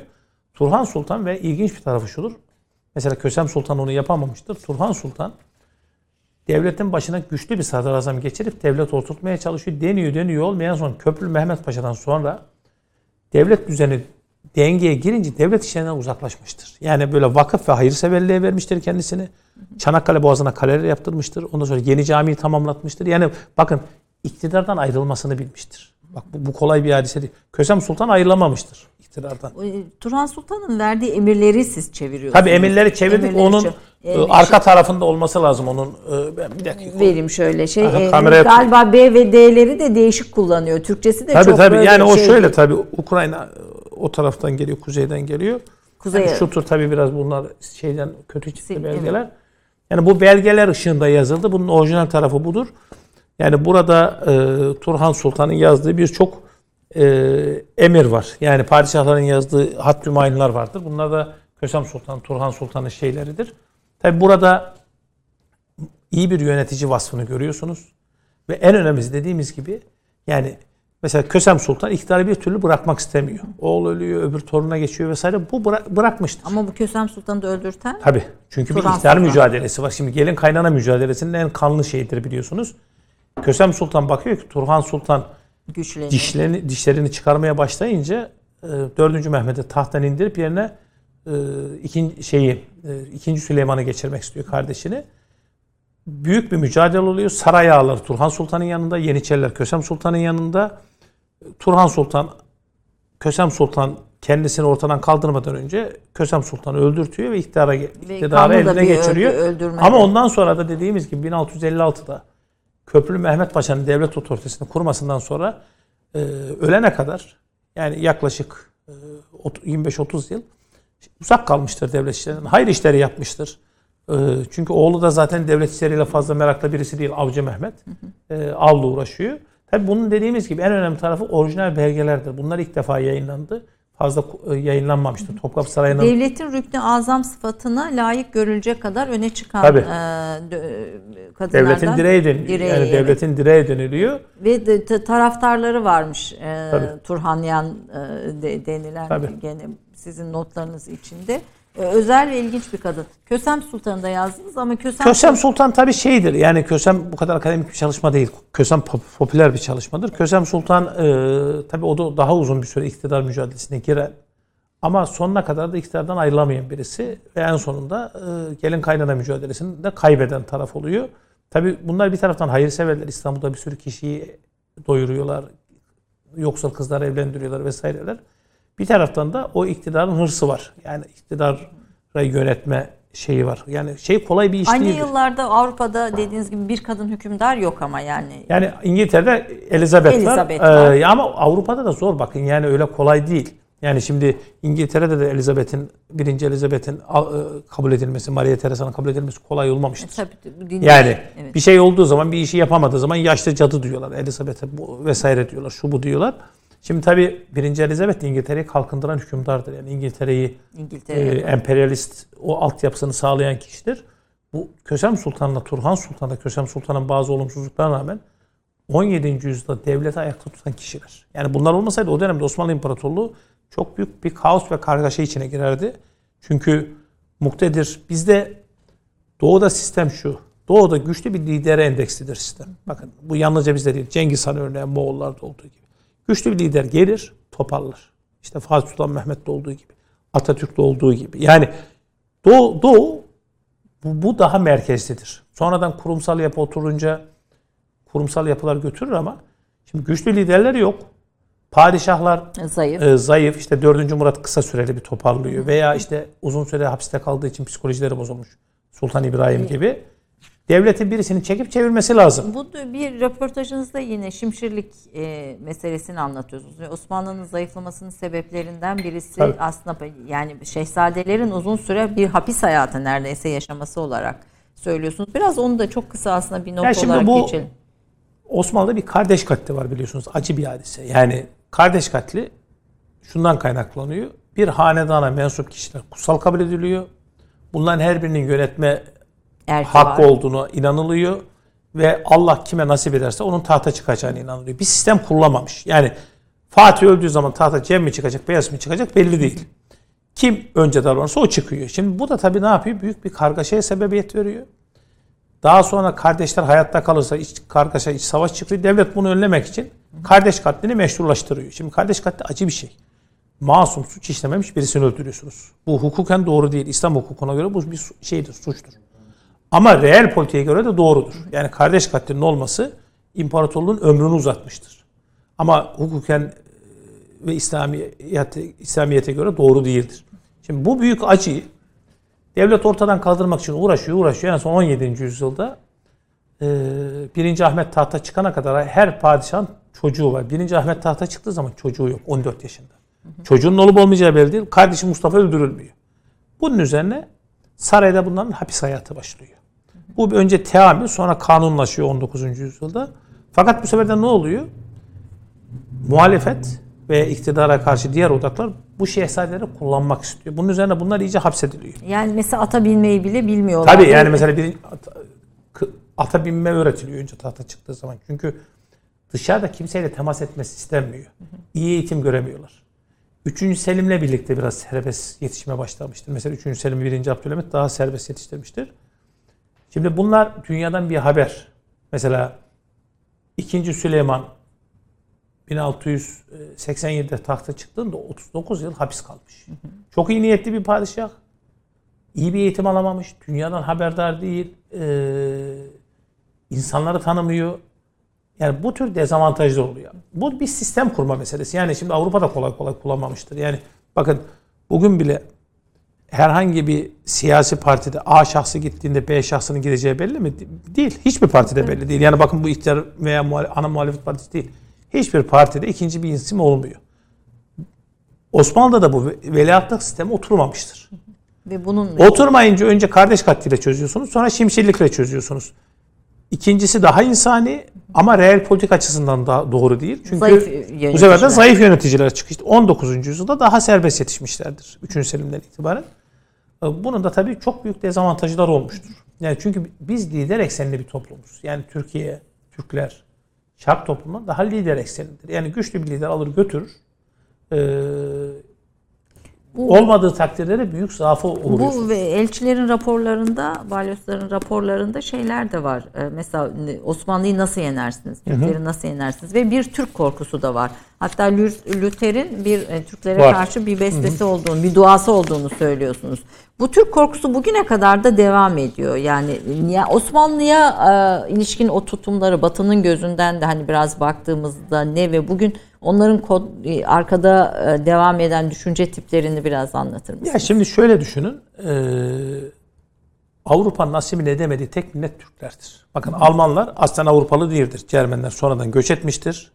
Avrupa'ya en son katılan millettir. En son Hristiyan millettir. Ama asimil olmuştur Avrupa kültürünün içinde. Yani Avrupa'nın bir parçası olmuştur. Şimdi Türkler dışarıdan gelip farklı kültüre ve farklı dine farklı sahip bir millettir. Avrupa asimil edemediği gibi 300 yıl atana kadar e, tabiri caizse göbeği çatlamıştır. Mesela şimdi bir 15 sene önce filan Avusturya'da en büyük seçim şeyi neydi? Biz Türkler Avrupa'dan ata kadar 300 yıl uğraştık. Siz bunları Avrupa Birliği'ne tekrar almaya çalışıyorsunuz diyeydi. Şimdi bu tabi bunların bilinçaltı kodlarına girmiş. Masallarına girmiş, halk hikayelerine girmiş, Dualarına şarkılarına girmiş. dualarına girmiş. Leyla Coşan'ın çok güzel araştırmaları vardır Alman kültüründe bu konu üzerine. Ee, bu bilinçaltlarına giriyor. Ve Hatta e, komplolar mesela Bacon'ın da içinde olduğu bir Osmanlı'yı yıkma, devirme e, aydınların içinde olduğu bir hareketten bir komplodan söz Şimdi ediyoruz şey var kitapta. bu İş Bankası'ndan tam tercümesi çıktı İş Bankası Kültür Yayınları'ndan. Türkiye e, parçalamak için 100 plan diye. Mesela bu bir Romanyalı devlet adamı ve tarihçinin yazdığı bir kitap. Bunu herkes bulsun okusun bu kitap. Ben Türkiye İş Bankası yayınlarından Türkiye'yi Türkiye parça... bölmek için 100 plan. Bu Halil Hoca da ona çok önem verdi. O kitabın daha önce başka bir yayın evinden kısa bir tercümesi vardı. Ben onu ilk gördüğümde öğrenciyken 80'li yıllarda komplo kitabı zannetmiştim. Daha sonra kitabı aldım okudum ki adam kaynaklara dayanıyor ve şunu gösteriyor. Türkler o kadar büyük bir korku yaratmış ki Avrupa'da e, bizim bildiğimiz bütün Avrupa'nın en önemli isimleri işte Bacon, Leibniz, Erasmus'tan tutun herkes bir plan yapmış. Türk İmparatorluğu'nu nasıl sona erdiririz? Yani bu- bu çünkü büyük bir karabasan, Avrupa'nın büyük bir karabasanı, büyük bir korkusu Ee, ve bunlar somut planlar. Mesela diyor ki işte Türkleri yok etmek için önce Mısır ayırmanız lazım, Çanakkale Boğazı'nı kapatmanız lazım, işte yok efendim e, doğudaki Hristiyanlarla işbirliği yapmanız lazım. Ruslar şuradan gelsin. Bu tür somut planlar var. Şimdi bu tabi e, günümüzde de şudur. Bunu yalnız tabii çok büyük anlamlar yüklememek lazım. Şimdi e, biz potansiyel bir tehditiz Batı için. Ama bakın potansiyel bir tehditsiniz. Yani şu anda öyle çok büyük fiili bir tehdit değilsiniz. Şimdi zaman zaman ben bakıyorum e, bazı yazarlarımız uçuyor. Osmanlı İmparatorluğu olduk vesaire de öyle bir şey yok. Öyle bir şeyin olması kolay bir hadise değil. Zamana yayılır. Hepimiz güçlü bir devletimizin olmasını isteriz. Gücümüzün Osmanlı İmparatorluğu kadar olmasını isteriz. Ama reali göremezseniz bir çukura saplanır kalırsınız. Yani buna çok dikkat edilmesi lazım. Şimdi e, Türkiye rahmetli Özal'dan itibaren dış politikasında daha aktif bir siyaset istemeye başladı. Biz bunu yakından görüyoruz. Şimdi ama burada reel dinamiklere basarak gitmeniz lazım. Şimdi mesela en son bu Yunanistan'la çatışmaları vesaireler oluyor. Şimdi çekişiliyor. Bu uzun aynen. süreden beri bitmiyor. Fransa geliyor. Televizyonlara bir bakın şunu yaparız bunu yaparız. Tabii bunların içinde emekli askerler var, emekli büyükelçiler vesaireler şunlar bunlar. Tabii devletin yetkili makamları daha farklı bakıyor hadiseye. Şimdi e, oradaki konuştuklarıyla gerçek hayat bir olmuyor. Yani burada mesela en basit örnek Yunanistan hiçbir zaman sadece Yunanistan değildir. Yani Yunanistan e, Batı dünyasının şımarık çocuğudur her zaman için. Veya Avrupa'daki bazı devletlerin bize karşı kullandığı uzak bir üsttür. O şekilde bakmanız Aslında lazım. Analiz yapmanız lazım. Yunanistan. Batı'nın, Avrupa'nın doğuyla Mesela bitiştiği biz, yer. Ben bir Yunan üst düzey yetkili gelmişti bana. Bu Mitsotakis'in danışmanlığını yaptı. Dedim ki ona bakın dedim biz komşuyuz. İki ülkeyi kapıştırıyorlar ve ikimize de silah satıyorlar dedim. Haklısınız hocam dedi. Üçüncü ülkeler kazanıyor dedi. Ama ne yaparsınız siyaset dedi. Bakın bu Yunan üst evet. düzey akla başında bir yetkili bunu görüyor ama tabii iç siyaset dinamikleri farklı oluyor. Bu bizde de vardır iç siyasette, dış siyasette karşılaştırmak. Ama tabii Avrupa'nın bakışında o var. Yani ve yani Böyle o düşünün. yani o Osmanlı'yı yok etmeye çalışan, Türkleri yok etmeye çalışan e, fikirler bugün de devam ediyor. Ya şöyle tabii siz e, onların mensup olduğu kültür dairesinden değilsiniz. Yani ve tehdit etmişsiniz Avrupa'nın ortalarına Onların kadar. Onların dilini öğrenmemişsiniz. Tabii. Kültürünü öğrenmemiş. Dinlerini benimsememişsiniz. Yani farklı bir şeysiniz. E, güçlü olduğunuz, ayakta durduğunuz müddetçe ilişkileriniz iyi olur. Ama zayıfladığınız zaman milli mücadelede olduğu gibi Ankara'ya kadar gelir işgal ederler. Yani o ancak ne yaptık o zaman biz? Milli mücadele birlikte bunları Anadolu'dan atabildik. Yani şark meselesi diye bir kavram var biliyorsunuz. Yani Avrupa bunu Doğu sorunu şark meselesi dediği Türklerin Avrupa'dan atılma planını bitirmişlerdi. Bu Luther'in duası aslında dua olduğu için enteresan. Ne diyor hafızanızda var mı? Yok tam şurada kitapta tam şeyi olabilir belki orada bir bakalım. Şunda ee, mı? Yani yok öbüründe Osman. ona bakalım. Çünkü burada e, şöyle çocuklardan e, çocuk duaları var. Çocuk duaları. Tabii yani mesela bu çocuk çocuk çocuklara dualar besteleniyor vesaire yapılıyor. Türklere karşı okumak için, korunmak için. Çünkü büyük bir korku. Yani Türklerden, bu, Türklerden korunmak tam korku.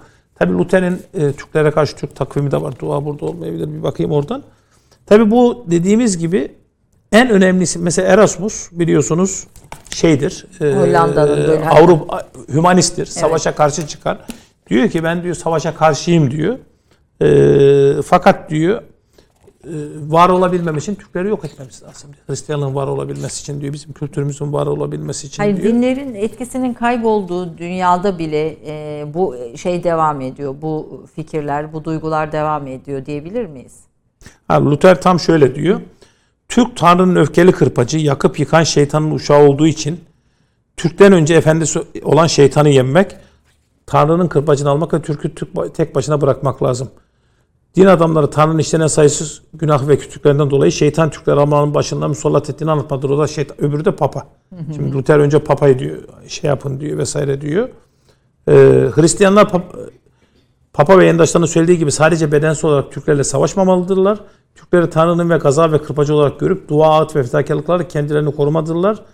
Ee, bu ödü küçümseyen Türkleri de küçümser diye anlatıyor. Evet. Tabi o papaya ve şeye karşı e, ikisini birden yapıyor. Hatta oradan ilginç bir şey de söylüyor. Tabi Luther'in asıl derdi papa olduğu için yani önce papayla mücadele edin diyor. Tabi sonradan Türk dostu Türklerle bu fazla işbirliği yapıyor falan deyince Türklerin aleyhine de bir şeyler yazmaya başlıyor. Tabi burada dediğimiz gibi özellikle Alman kültüründe Türkler aleyhine çok şey vardır. Çünkü biz Avusturya İmparatorluğu'yla savaşırken Almanlarla savaştık. Yani o zaman Birleşik. Almanya yani tabii çünkü Almanya bütün Habsburg İmparatorluğu, Kusar Reme Cermen İmparatorluğu'nun ana kökeni Avusturya Almanlarıydı. Tabii Almanya da oraya bağlıydı.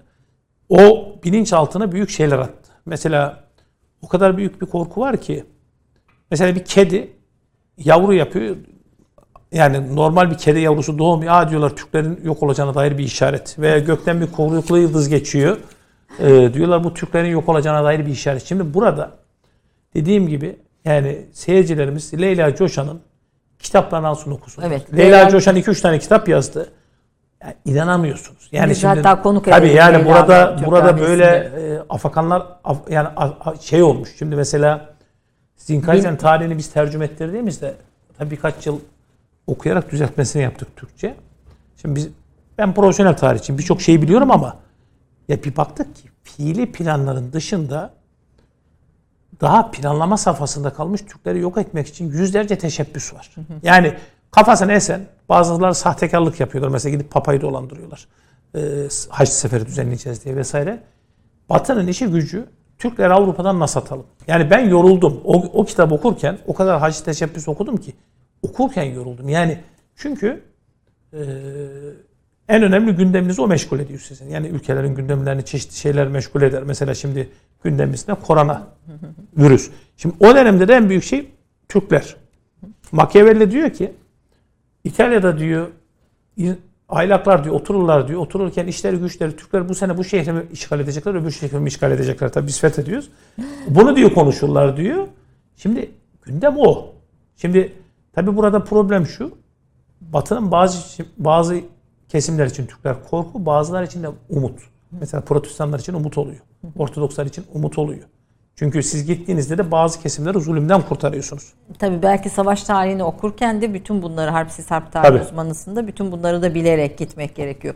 Bir reklama gitmeden önce bir yaprak arası verelim.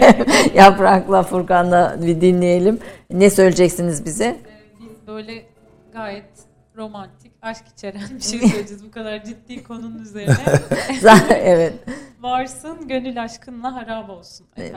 evet. Kimin? E, Lemi Abdul'un bestesi, Güçte de Vecdi Bingöl'e ait. Pek dinleyelim. Değil mi? Böyle bir Evet. güzel bir Nefes alınır. Nefes alalım. Varsın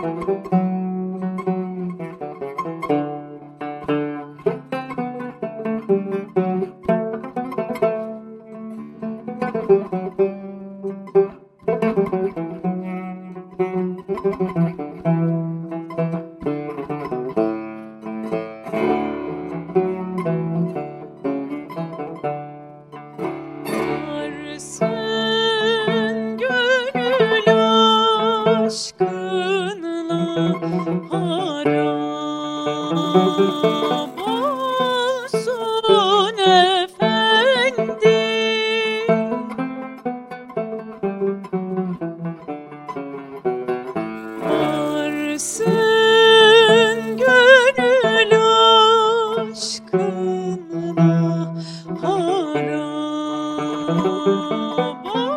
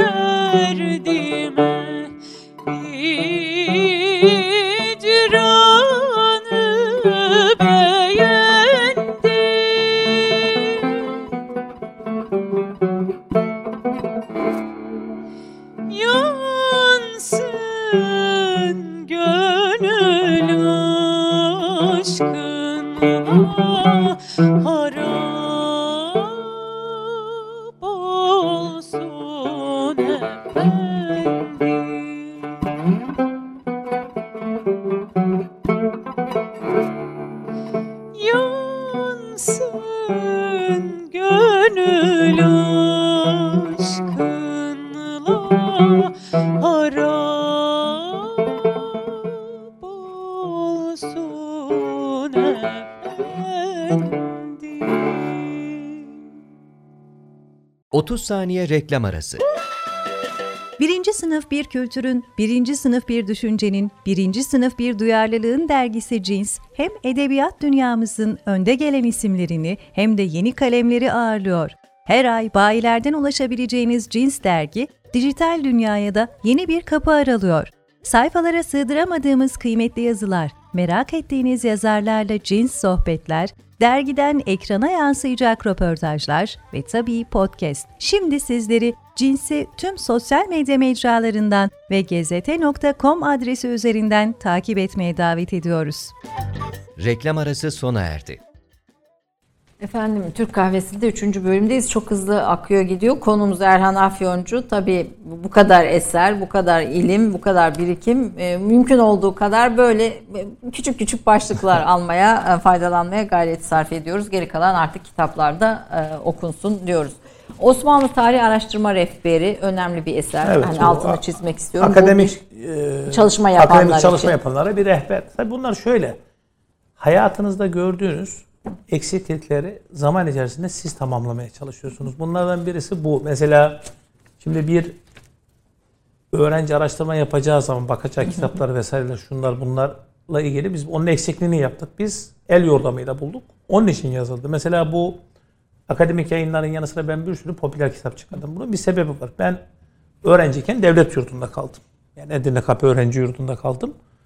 Orada tabii yurtta kalmanın çok büyük bir avantajı var. Her türlü meslek sahibiyle tanışıyorsunuz. Doktoru var, tütün eksperi var, kimyacısı var, mühendisi var. Yani ortak tabii şimdi oturup mesela bir kimya e, elektrik mühendisiyle kendi mesleğiyle ilgili bir şey konuşamazsınız ama o sizle tarih konuşuyor. Mesela ben o zamanlar hep şunu gördüm. Arkadaşların dediği şuydu. Ya biz tarihle ilgili meraklıyız, tarihçi değiliz ama ne okuyup? Şimdi o dönemlerde çok popüler kitap yoktu. Bir rahmetli Yılmaz Öztuna'nın kitapları vardı. Ben o zaman şunu gördüm. Dedim ki bak bir farklı mesleklerden insanların okuyacağı doğru düzgün tarih metinler oluşturmak lazım. Yani tarih kitapları yazmak lazım. Ee, hem yeni akademik bilgileri içermesi lazım hem popüler dilli, herkesin anlayacağı dilli olması lazım. İşte mesela böyle Osmanlı tarihi, Osmanlı padişahları, Fatih gibi kitaplar en son akademik bilgilerin gözden geçmesidir. İlk bu sorularla başladı. Sorularla Osmanlı bu sorularla Osmanlı cilt ciltti, tek tekti, bir ciltçi bir cilt. O zaman NTV tarih dergisi çıkıyordu ilk defa. Orada ben he- her ay 10 soruda, 15 soruda bir konuyu işliyordum. Sonra bu kitap haline geldi. Mesela bu kitap da birkaç defa değişmiştir. Mesela içinde yazdığımız bilgi daha sonra yan, yan- yanlışlanınca onu düzelttiğimiz kısımlar oldu. Mesela bunların büyük dönüş oldu. Türkiye'de popüler tarihçilik gelişmemiştir. Ya mesela Yavuz'un küpesi, işte Tabii. Baltacı ve Katerina, Tabii. Truva'nın intikamı Tabii. ama yani bunların hepsi bilimsel, akademik Tabii. çalışmalara dayalı ama çalış- popüler bilgi. Tabii akademik çalışmanın en son mesela biz Murat Bardak'la birlikte önce Hürriyet tarihi sonra Habertürk tarihi çıkardık. Çok kavga dövüş yaparak çıkardık. Yani çünkü mesele şu Mu- Murat'ın söylediği her zaman Bardakçı'nın herkesin anlayacağı şekilde yazın. Sizin kafanızdakini halk bilmez.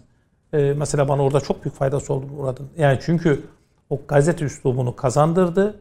Şimdi akademik bir tartışma yazarken mesela Mirahur yazarsanız Mirahur'un ne olduğunu açıklamazsınız. Çünkü Mirahur'u tarihçi bilir. Ama bunu halk bilmez. Yani veya işte efendim başka bir şeyden geçerken Ahmet Paşa hangi Ahmet Paşa? Şimdi bunları görüyorsunuz. Daha rahat anlaşılır olmasını gerekiyorsunuz. Bu ben her zaman şunu diyorum. Bu ilmimizin zekatıdır bizim. Yani biz akademik araştırmaları yapmakla mükellefiz. Kendi alanımızda devlet bizi belli alanlarda yetişmemizi sağlamıştır. Orada mesleğimizin gereği o yapılır. İşte Savaşın Sultanlarını yazarsınız, Osmanlı Harp Defterhane'yi yazarsınız, Turhan Sultan'ı yazarsınız. Ama bunun yanı sıra işte halkın mesela Fatih ile ilgili bir kitap okuyacağı zaman popüler bir kitap yazmanız lazım. Şimdi Türkiye'de iyi popüler tarihçi yok. Bir Yılmaz Öztuna yaptı zamanında. Ondan sonra Türkiye'deki popüler tarihçiler genelde mal popüler yazanlar yani akademik kökenli olmayanlar maalesef düzgün bilgi kullanamıyorlar veya ideolojik saplanıyorlar. Yani birisi Osmanlı'yı karalamaya düşünürken öbürü Osmanlı'yı yüceltmeye çalışıyor. Evet. İki, e, mesela hatırlarsınız Ramses romanı vardı bir ara böyle 5-6 cilt. Evet. E, müthiş satıyordu. O mesela çok planlı bir şeydir. Mısır terör hadiselerinden dolayı Turist, turist kaybedince büyü- iyi- iyi bir Mısırlı akademisyene Ramses romanlarını yazdırdı. Ve ondan sonra Mısır'a gitme gelmeler arttı. Mesela onu bir akademisyen yazmıştır. Şimdi burada tabii herkesin bunu yapması mümkün değil. Mesela bu e, o üslubu kazanmanız kolay bir hadise değil. O gazete ve dergi kültüründen gelmeniz lazım. İşte burada ama bunun çok büyük faydası da oluyor. Yani, çünkü Yani insan- okuyucudan geri dönüşlerde Tabii o çünkü insanlar e, doğru bilgiye ulaşması lazım. Yani o doğru bilgiye ulaşma yolunu vermemiz lazım. Ama okuduğu zaman şimdi mesela e, kalkıp defterhane amireyi benim mesela normal insan normal e, halkın okumasına gerek yok. O teknik bir kitaptır. Veya ama mesela onun içinde ne çıkabilir? Osmanlı bürokrasisi ilgili popüler bir yazı çıkarabilirsiniz. Osmanlı bürokrasisi nasıl çalıştığını, nasıl devlet yönettiğini vesaireyi. Şimdi mesela burada işte e, Yavuz'un küpesi mesela orada onu mesela senelerden beri en büyük yanlışlardan biri odur. Yavuz küpe takıyor. Yavuz küpe takmıyor. Yani sonradaki bir resimdir. O mesela o konuda onu ön plan çıkıyor. Yavuz'un orijinal resmi de odur tabii. Yavuz'un küpesi e, tipi de o küpeli resimdeki gibi değildir. Bu karışmış. Yavuz'un küpesi yok. Yok. Yavuz, ya- küpesi yan- yok, yanlış bilgiyi düzeltmek edelim. için de kolay bir hadise değildir. İşte ben o yurt hayatı bana çok şey kattı. Ki ben şu anda şunu da söyleyeyim. Bunu Gençlik ve Spor Bakanlığı yetkilerinde söylüyorum. Türkiye'nin bir numaralı stratejik meselesi devletin İstanbul'da devlet yurdu yapmasıdır. Öğrencilerin sağa sola gitmelerinin önlenmesi için, farklı grupların eline geçmemesi için devletin yurt yapması lazım. Şöyle düşünün. 17 yaşında bir gençsiniz. Tokat'tan kalkmış gelmişsiniz. Ee, ben o zaman yurda girmeden önce yurt baştan çıkmadı. Rahmetli Mustafa amcam vardı. Onun yanında kaldım. Allah rahmet eylesin. Ama birçok arkadaşımız, başta FETÖ olmak üzere birçok farklı grubun elinde ziyan oldu. Bunun sebebi devletin yeterince yurt yapmamasıydı. Yani bugün bakın ben açık ve net şunu söylüyorum. Ege'deki stratejik durum kadar önemlidir. Yani Türkiye'nin İstanbul başta olmak üzere belli yerlere kendi çocuklarını yerleştireceği devlet yurtlarını yapması lazım. Peki Osmanlı İstanbul'da otomobil bu Türkiye Turing ve Otomobil Kurumu'ndan Evet. çıkmış bir kitabınız. Yeni ben Bu yeni gördüm. çıktı evet yeni çıktı. Bu İstanbul otomobil tarihiyle ilgili bunun Cumhuriyet dönemi de çıkacak arka arkaya. Ya Tabii- bu da mesela bir popüler aslında. Ya bu bir akademik bir kitap. Akademik Akademik, bir ama kitap ama popüler, popüler dille dil- yazılmış bir popüler kitap. dille Çünkü yazılmış. Otomobil Türkiye'ye nasıl geldi? İşte ilk e, nerede görüldü? Gazlı otomobil, benzinli otomobil vesaire. İşte Abdülhamit'in otomobile karşı bakışı neydi vesairesi. Bir otomobil tarihi. O zaman Ve öyle. son derece de kolay e, Tabii, ba- evet. başlıklarla okunan bir kitap. Son dünya düzeni yine Osmanlı için son dünya düzeni diyorsunuz. Tabii benim Neden? düşüncem o. Yani çünkü mesele şu. Şimdi Osmanlı'dan sonra mesela Osmanlı bir düzendi. Bu bölgeler hep kargaşaya girdi. Yani bu Orta Doğu. Tabii İlhan Kutler Üstad'la bir gün konuşurken söylemişti. Hatta ona da sö- söyledim. E, ismini de verdim orada. Yani bu Osmanlı ile ilgili yazdığım bazı yazıları son dünya düzeni altında bir yere getirdim. Yani şimdi Osmanlı'dan daha büyük imparatorluklar oldu. Yani Büyük Cengiz İmparatorluğu gibi toprak olarak ama yani bunlar kaos getirdiler, kargaşa getirdiler. Şimdi İngiliz İmparatorluğu'nun hala her yerde izlerini sürüyorsunuz olumsuz olarak. Osmanlı'da bu bölgelerde ki dünyanın en problemli bölgeleri bir düzen vardı. Yani iyi veya kötü. Bu tabii şu demek değil bakın şunu yanlış algılıyoruz biz de. Her zaman hayat böyle düzgün vesaire gitmiyor. İsyanlar da vardı, kargaşa da vardı ama bir düzen vardı. Bir kaos yoktu. Ve İslam dünyası için Osmanlı bir şemsiyeydi. O şemsiye gitti. Şu anda en büyük problem Doğu Batı dengesini kuracak Doğu'da bir devletin olmaması. Büyük bir devlet. Osmanlı'nın dünyaya en büyük etkisini ne olarak görürsünüz? Tabii şöyle Osmanlı'nın e, birçok etkisi var. E, bugünkü dünyanın değişmesinde, düzenlemesinde. Mesela protestanlığın var olmasında çok büyük etkisi var. Osmanlı'nın. Protestanlığın Protestanlığın var olmasında. Çünkü eğer o dönemde protestanlığın gelmesinin birkaç sebebi var. Yani birincisi işte matbaa bir tanesi. İki ta- bir tanesi o milli devletlerin yeni doğuşu. Üçüncüsü Osmanlı. Katolik dünyası o dönemde Osmanlı ile mücadele ederken protestanların desteğine ihtiyacı olduğu için protestolara 1555 Ağustos'tan itibaren yavaş yavaş tavizler veriyor. Eğer e, Osmanlı gibi Avrupa'yı tehdit eden büyük bir güç olmasaydı bu protestanlık bu kadar yayılamazdı. Veya Fransa gibi, İngiltere gibi, Hollanda gibi milli devletler yok olabilirdi. Mesela Halil Hoca'nın en fazla üzerinde durduğu konular bunlardır. Yani bugünkü dünya düzeninin sağlanmasında bunun büyük bir rol. Mesela bir diğer hadise Kuzey Afrika'da bu kadar Müslüman olacağını ben tahmin etmiyorum. Eğer Osmanlı olmasaydı. Çünkü Kuzey Afrika işgal altındayken Barbaros kardeşlerle Osmanlılar müdahale ettiler. Ee, Somali'den Kuzey Fas'a kadar Kuzey Afrika'yı ve Orta Afrika'yı ve Doğu Afrika'yı İslam. İslamiyet'in var olmasını sağladılar. Yani yok Endülüs'ü hatırlayın ya 750 yıllık bir Müslüman devlet. Şu anda var mı? Yok. Yani 1492'den itibaren yavaş yavaş tavsiye ed- edildi. Yani büyük tesirler oldu Osmanlı'nın. Yani bugünkü siyasi yapının oluşmasında, dini yapının oluşmasında büyük rolü var. Yani Avrupa'nın da yani dünyanın Hem Avrupa'nın hem İslam dünyasının. İslam dünyasının e, oluşması. Mesela en basit iş Libya'yı Osmanlı Devleti var ediyor. Çünkü Libya, tarihte Libya diye bir devlet yer yok. Üç parça Libya. Doğusu Mısır'da, o aşağısı ayrı, batısı ayrı. Yani tek bir bugünkü Libya'nın şeyin şeklini çizen Osmanlı'dır yani. E, şu kapitülasyonlar meselesi şimdi bu Fransa ile olan e, sorunlar nedeniyle e, çok fazla da gündeme geliyor. Hani biz kapitülasyonları verdik Fransa filan. Tabii böyle algılanabilecek bir durum değil hani bugün yaşanan e, tablo ama e, Fransa ile olan ilişkilerimizde asıl e, önemli noktayı ne olarak görürsünüz? Ya şimdi Fransa Sarkozy'den itibaren farklı bir yapı izlemeye başladı. Bunun sebebi de şu. Bizim e, oradakilerle konuştuğumuzda ne, yeni nesillerin bir ideali yok. Macron şunu yapmak istiyor. Bu Türkiye ile alakalı bir husus değil baştan. Fransız nesillerin o geçmişteki Napolyon dönemindeki Gurur eski yaşamak. dönemdeki büyük Fransız idealini sunmak istiyor. Yani bunun içinde ne yapıyor? Aktif bir rol oynamak istiyor. Yani ben işte Libya'da siyaseti belirlerim, Doğu Akdeniz'de belirlerim.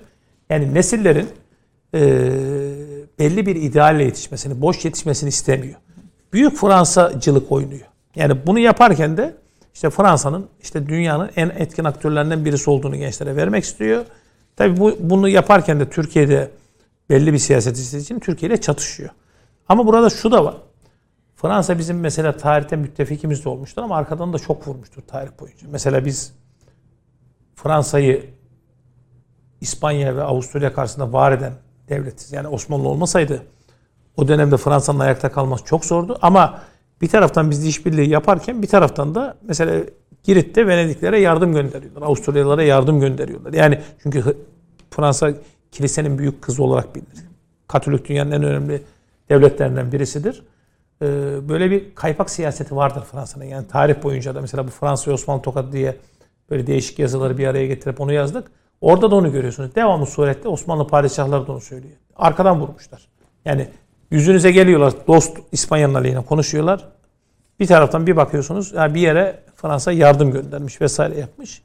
Tabi burada e,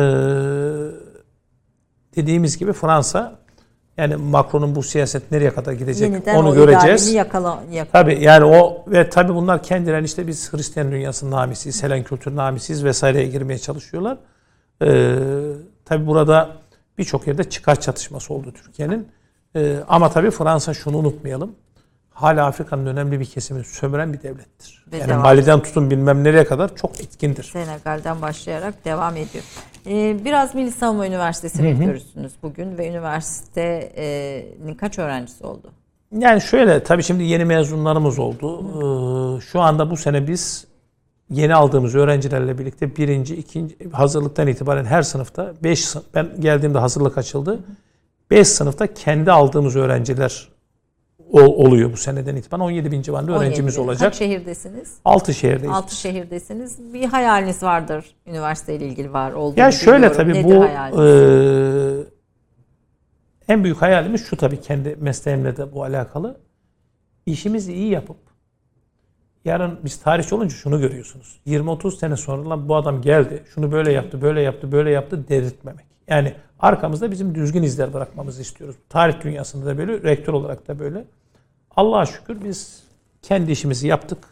Reklamdan ve algı yönetiminden uzak durduk. Ki bakın bugün Türkiye'nin en büyük problemlerinden birisi bu. evet. Birçok kişi mış gibi yapıyor. Bürokrat da böyle yapıyor, siyasetçi de böyle yapıyor. Bu A veya B partisi önemli değil. Yani benim bir derdim var. Benim derdim şudur. İşimi iyi yapmak. İdareci olarak işimi iyi yapmak. Tarihçi olarak işimi iyi yapmak. Tabi burada biz bir tarafını iyi tamamladık. Yani neyi tamamladık? O e, sistemi kurduk. Yeni bir sistem kuruldu. Askeri eğitim devam etti. Şimdi mesela üniversitenin şu anda eksik kalan tarafı şu. Bizim aynı zamanda tabi bu yavaş yavaş oluyor. Önemli meselelerde stratejik eserler üretebilmemiz lazım. Yani tarih Kaynakça. alanında vesaire alanında. Mesela en basit iş. Şu anda çalışıyoruz. Ya bakın en büyük tartıştığımız konulardan birisi meclis. Türkiye'de meclis üzerine yazılmış birkaç yazıdan başka bir şey yok. Evet ben de çok Ben baktım, e, bugün yazdım hatta ben. Pelin de- Böke'nin bir değerli toplu bir yazı Evet, yazdım evet. bugün gazetede, Sabah gazetesinde. Şimdi meclisle ilgili kitap çıkartacağız. Orada biz Harp Tarihi Araştırmalar Enstitüsü yaptık. Bakın Yunanlıların Avustralya'dan tutun Atina'ya kadar birçok yerde meclisle ilgili yazdığı eserler var. Şimdi biz bir konuda alt, yani ben tarih kısmına bakarım, stratejik kısma bakarsınız. Fikir yapı ulaştırmamız. Mesela üniversitenin bu yönünün oluşması bizim en büyük hayalimiz. Bu yavaş yavaş olacak tabii. Yüksek Doktora yapan lisans- çocuklarımız var. Yüksek lisansa sivillerin de e, gelmesi gerektiğini söylüyor. Yani sivillere de açık olduğunu Tabii şöyle bizim enstitülerimiz var. Bunlar geçen hafta müracaatları bitti strateji enstitüleri. Bu enstitüler tabii daha da büyüyecek ileride. Mesela bunların büyüyüp bizim fikir üretebilmemiz lazım. Yani bizim devletin yönetilmesinde, planlanmasında stratejik akıl üretmemiz lazım. Burada liyakat ve kahtı rical, kahtı rical meselesine de çok yer veriyorsunuz hem yazılarınızda hem konuşmalarda. Bu konuda ne söylemek istersiniz? Yani bu üniversite daha liyakat ehli bir e, askeri yönetici e, veya askeri yönetici demeyelim genel olarak. Ya şimdi e, bu bir- şöyle diyelim. sahasında ça- uzman insan çalıştığım yetiştirecek mi? kişilerde eee, belli çalışırken liyakate son derece dikkat ederim. Çünkü işini iyi yapması lazım. Şimdi bizde şu mantık var. Bizden olsun. Ya, tamam da Türkiye'nin yönetimini siz sadece bu A veya B partisi bakın sol içinde sağ içinde kendinizden olan insanlarla yönetemezsiniz bu kadar büyük bir ülkeyi. Farklı fikri yapıda insanlar olabilir. Farklı şeyler olabilir. Önemli olan işini iyi yapması ve devlet düşmanı olmaması. Benim en fazla dikkat ettiğim şeydir. Bir insan devlet düşmanı olmaması ki bu da bunlar da var bakın yoğun olarak. Hem sağda hem solda var. İki e, işini iyi yapması. Dert edilmesi. Ya bakın en basit şey bir bahçıvan görüyorsunuz tamam mı? Veya e, dışarıda diyelim herhangi bir yerde çöpler alan bir adam. Adam işini o kadar itinayla yapıyor ki. Evet. Şimdi o aynı şekilde akademisyenin de işini itinayla yapabilmesi lazım. Şimdi mesela birçok akademisyen arkadaşımız hiçbir derdi yok, tasası yok. Profesör olmuş, yan gelip yatıyor maalesef. Ee, ya bu ülkenin dertleri var, bir şeyler üretelim. Evet, bir- biraz- Biz e, aldığımız bu maaşa hak edelim vesaire yok. Yani liyakat ön, ön planda olması lazım. Kahtı rical 300 yıldır devam ediyor. Bakın 300 yıldır Türkiye büyük bir kahtı rical çekiyor. Yetişmiş iyi devlet adamı sıkıntısı çekiyor. Bu zaman zaman ortadan kalkıyor. Ama anlık oluyor. Evet. Yani daha, daha sürdürülebilir Tabii benim her zaman lazım. söylediğim şudur. Siyasi akıl ülkeye hamle yaptırır, devlet aklı devleti korur. Bizim devlet aklına sahip askeri ve sivil bürokratları yetiştirip ve bu makamlara getirmemiz Evet, lazım. bu üniversite bu noktada bir adım olur diye İnşallah. umut ediyoruz. Ee, bu sizinle ilgili e, Murat Bardakçı'nın tabii çok güzel yazıları var, övgüleri var. Bunun, burada özellikle e, sabotajcılığın Filiz Sabatay Sevin'in efsanelere büründüren, hayatını ortaya çıkaran kitabınızı, Türk Gutenberg'i olan yeni matbaacılığımızın Pir İbrahim Müteferrika'yı karanlıkta kalan Aha. hayatını Erhan sayesinde aydınlanmıştır diyor. Ve tabii e, Defterhane-i Amire yani Osmanlı mali kayıt sistemi hakkındaki kitabınız, Zeki Velidi'nin tarihte usulle başlayan biyografik yayınlara devamınız. Tüm bunlar büyük katkılardır e, Türk tarihine bu çalışmalar diyor. Biz tabii programın da sonuna geldik ama ben biraz Sabatay Sevi meselesinin ve Yahudiler bu bir e, şey çalışma sahte meselesi. Tabii. Popüler bir kitap değil. Yok bu akademik Ak- bir kitap. akademik bir çalışma. Biraz ona verdiğiniz önemi ve neden e, e, önemli bir eser o. E, bir de bu matbaa e, matbaanın Osmanlı'ya son geç gelmesiyle ilgili bir klişe laf vardır sürekli. İşte matbaa Osmanlı'ya geç geldi o, o nedenle okuyamıyoruz işte az okuyoruz işte eğitim seviyemiz budur filan gibi. Bununla ilgili de kısa yorumlarınızı şimdi tabii şu tarihte ar- araştırma yaparken arşive şimdi yoğun gittiğimiz için biz Osmanlı arşivinin işleme sisteme, sistematiğini biliyorsunuz. Şimdi arşive girdiğinizde mesela oraya Erhan Afyoncu yazdığınızda Erhan Afyoncu ile ilgili her türlü belge çıkmaz. Çünkü her şey özetlenememiştir. Siz bir de siyakat diye özel bir Osmanlıcayı biliyorsunuz. Yani Tabii zor şöyle okunan. o Osmanlı özel demeyelim de zor ha. Osmanlı döneminde kullanılan değişik yazı türleri var işte. bizim çalıştığımız dönemde divani, siyakat diye. Siyakat maliyede kullanılan bir yazıdır. Bunlar öğrenilir öyle çok zor şeyler değil. Biraz şey yapılacak. Son dönemde rikayası kullanılıyor. Şimdi tabii burada şöyle düşünün. Şöyle bir Osmanlıca kitap var. de- Defter var Osmanlı'da. Bunun içinde bunu ne biliyorsunuz? 1100, diyelim 1692 yılına ait bir maliye defteri. Bunu tek tek incelemeniz lazım. Neyi nerede bulacağınızı bulmanız lazım. Şimdi biz öğrenciyken tabii milliyetçi muhafazakar kesimden gelen herkes bu dönmeliği ve sabataycılığı bilir biliyorsunuz. Yani Bir komplo teorisi Tabii komplo olarak. teorisi olarak bilir. Biz gençliğimizde de böyle geçti. Tabii öyle hale geldi ki işte ya Sabatay Sev hakkında arşivlerde bir tane belge yok. Evet gerçekten de bir tane belge bulunmuştur. Yabancı bir e, kütüphanede. Hiç belge yok. Sabataycılar belgeleri yok ettiler falan. Tabii benim alanım değildi aslında bu. Yani benim daha farklı alanlar çalışıyorum. Ya belge olması lazım. Olmama ihtimali yok çünkü. Bulmayı bilmek lazım. Tabii bu da büyük bir sabır. Bakın size doktora tezinde bir kelime için ben 6 ay uğraştım. Altı ay mühürlenmiştir diyor ya. Şimdi ne mühürlenmiştir? Şimdi rahmetli Halil Sailoğlu Allah rahmet eylesin e, arşivde bize çok yardım etti. Oğlum derdi Allah bir gün katibi şaşırtacak ve doğrusunu göreceksin. Bir gün baka baka baka aynı tür belgelere ya tezkiresi mühürlenmemiştir diyor. Çünkü elimizde bir Osmanlı'nın çalışmaya kitabı yok. Şimdi aynı şekilde sabotaj seviyeyle de ilgili ben o zaman ya bununla belge olması lazım bu teori yanlış değildim. Tabi burada şu var. Yerli, Amerikalı, İsrailli, Yahudi tarihi çalışan Avrupalı araştırmacılar seviyeyle ilgili bir tane belge bulamadılar. Birçok araştırma da yapıldı. Yabancı ülkelerde var mı? Yok orada da Orada da hiçbir Yani mesele şu ama bunun sebebi şu. Arşivi iyi bilmeniz lazım. Bunun üzerine arşive girdik. Biz Sabatay Sevi'nin e, Müslüman olmasıyla ilgili dönemdeki belgeler vesaireler ortaya çıktı. Şimdi bunlar saklanmış değildi. Bunlar bulunmayı bekliyordu. Ve o zaman dedim ki ya bakın ben gençlere bizim genç asistan arkadaşlarımız her zaman şunu diyoruz. Allah'tan iyi çalışma gruplarımız var bizim. Yani yetiştirdiğimiz çocuklar var. Burada parantez içinde şunu da söyleyelim. Bir bilim adamının kendisinden sonra kendisini temsil edecek gençleri yetiştirmesi lazım. Lazım. En büyük En önemlisi bu. Yani size baktığında gözleri parlayan, hocam şu belgeyi buldum deyip peşinizde koşan, şu, şu konuda şu yanlışmış diye bunları ben gördükçe mutlu. Bütün yorgunluğunuzu alıyor. İşte o zaman sabotaj seviyeyle ilgili bu kitap çıktı. Bakın ilginç bir şey. Türkiye'de o kadar sabotajcılık vardır. Ee, Türkiye'de kısmi ilgi gördü ama İsrail'de sempozyuma çağırdılar. beni. bu kitapla ilgili. Tabii yani çünkü takip literatürü takip ediyor bilimsel olarak altyapısı oluyor. Çünkü yeni bir şeyler koyuyorsunuz. Burada mesela işte arkasında şurada belgeleri vardır. Mesela burada Sabatay Sevin'in ölüm kaydı vesairesi şu su bu su. Şimdi burada bir sürü yanlış yorum yapılmıştır. Peki biz ne yanlış yani temel olarak bunu Sabatay Sevi ile ilgili tabii kitabı e, illaki mutlaka okumayı tavsiye edeceğiz ama yanlış en, yani en temel yanlış bildiğimiz şey ne? Yani Sabatay Sevi değil de burada problem şu. Tabi Sabatay Sevi 17. yüzyılda İzmir ve civarında ortaya çıkan bir haham. Mesih'im diye çıkıyor. Çünkü Yahudilerin en büyük problemi ne?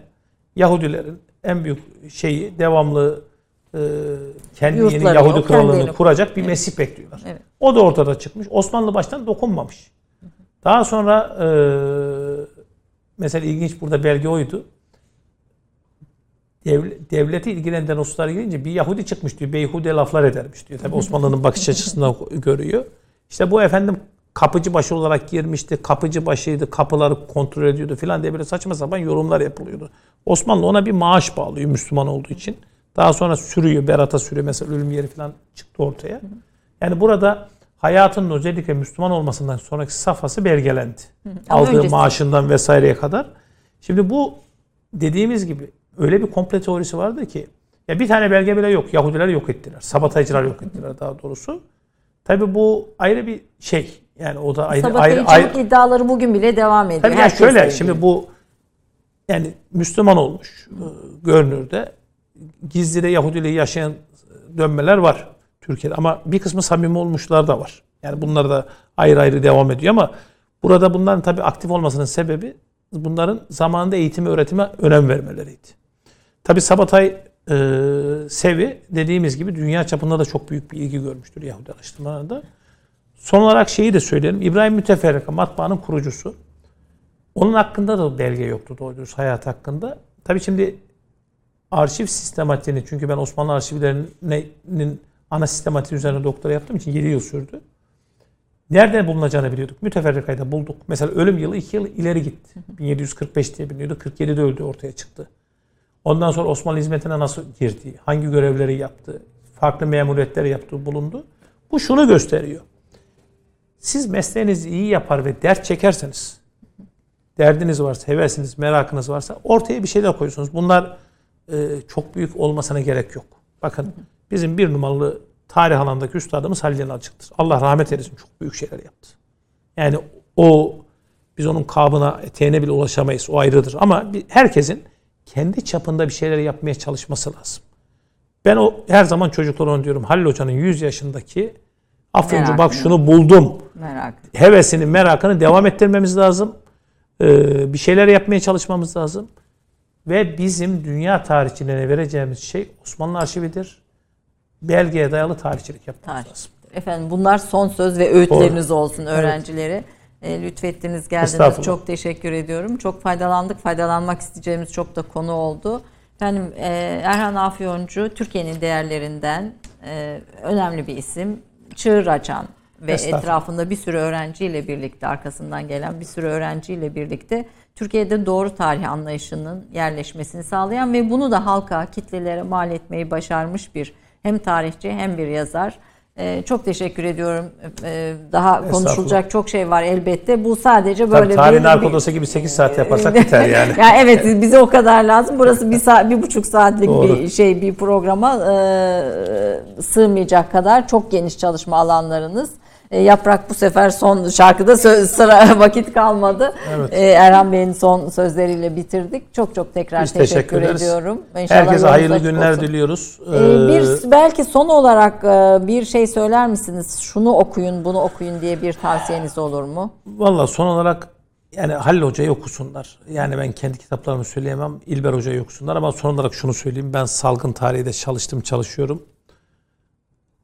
Zor bir dönemden geçiyoruz. Deprem Ee, tarihi de deprem salgın tarihi, salgın tarihi çalıştık. Tabii bunlar dediğimiz gibi kendi alanımız değilken ilgi olsun. Burada problem şunu söylemek lazım. Benim gördüğüm şu. Bu kış zor geçecek. Buna da Bu kış çok zor geçecek. Bunun planlanması lazım. İki bizim insan olarak ben virüsün sistematiğini insanların anlayamadığı ve yetkililerin de yeterince anlatamadığı kanaatindeyim. Çünkü insanlar hep kendisinde bir rahatsızlık bekliyorlar. Yani rahatsızlık ama hep söylenen şu 14 güne kadar hiçbir belirtiniz varken insanlara bulaştırıyorsunuz. Ee, ona göre hareket etmemiz lazım. Yoksa bu kış çok zor geçecek. Yani bu kış hayatımızın en zor geçen kış olacak. Bizim buna hem yetkililer hem halk olarak hazırlanmamız lazım. Tamam tedbirlere uymayarak yaz delindi ama yani salgın hastalıkların felaketlerini bilirim. Bu o kadar büyük bir salgın değil bir veba. Vebada 3 kişide bir kişi ölüyor. Üç kişi. 3 kişide bir kişi ölüyor. Ee, ama bu da bizim hayatımızı ve bütün dengemizi çökertiyor. Bizim sağlıkçılara yardımcı olmamız lazım. Lazım. Yani sağlıkçıları e, hepsini tebrik ediyorum. Allah razı olsun. Çok büyük hizmetleri hasta bakıcısında doktoruna kadar. Biz onlara yardımcı olamazsak biz bu işi götüremeyiz. Evet. Salgın hastalıklar tarihini de e, araştıran bir tarihçi olarak bunun e, öneminin altını çizmek istiyorum diyorsunuz. Çünkü bu toplumların tarihinde Tabii. önemli yani bu Türkiye'nin noktaları to- olmuş. gelece yani biz biz burayı sistematik düzgün götüremezsek gelecek nesiller e, farklı bir ortamda büyür. Eğer iyi götürürsek daha iyi şartlarda büyür. Evet bu geleceği etkileyecek bir şey. Efendim Türk kahvesinden bugünlük bu kadar. Haftaya görüşmek üzere. Hoşçakalın diyorum.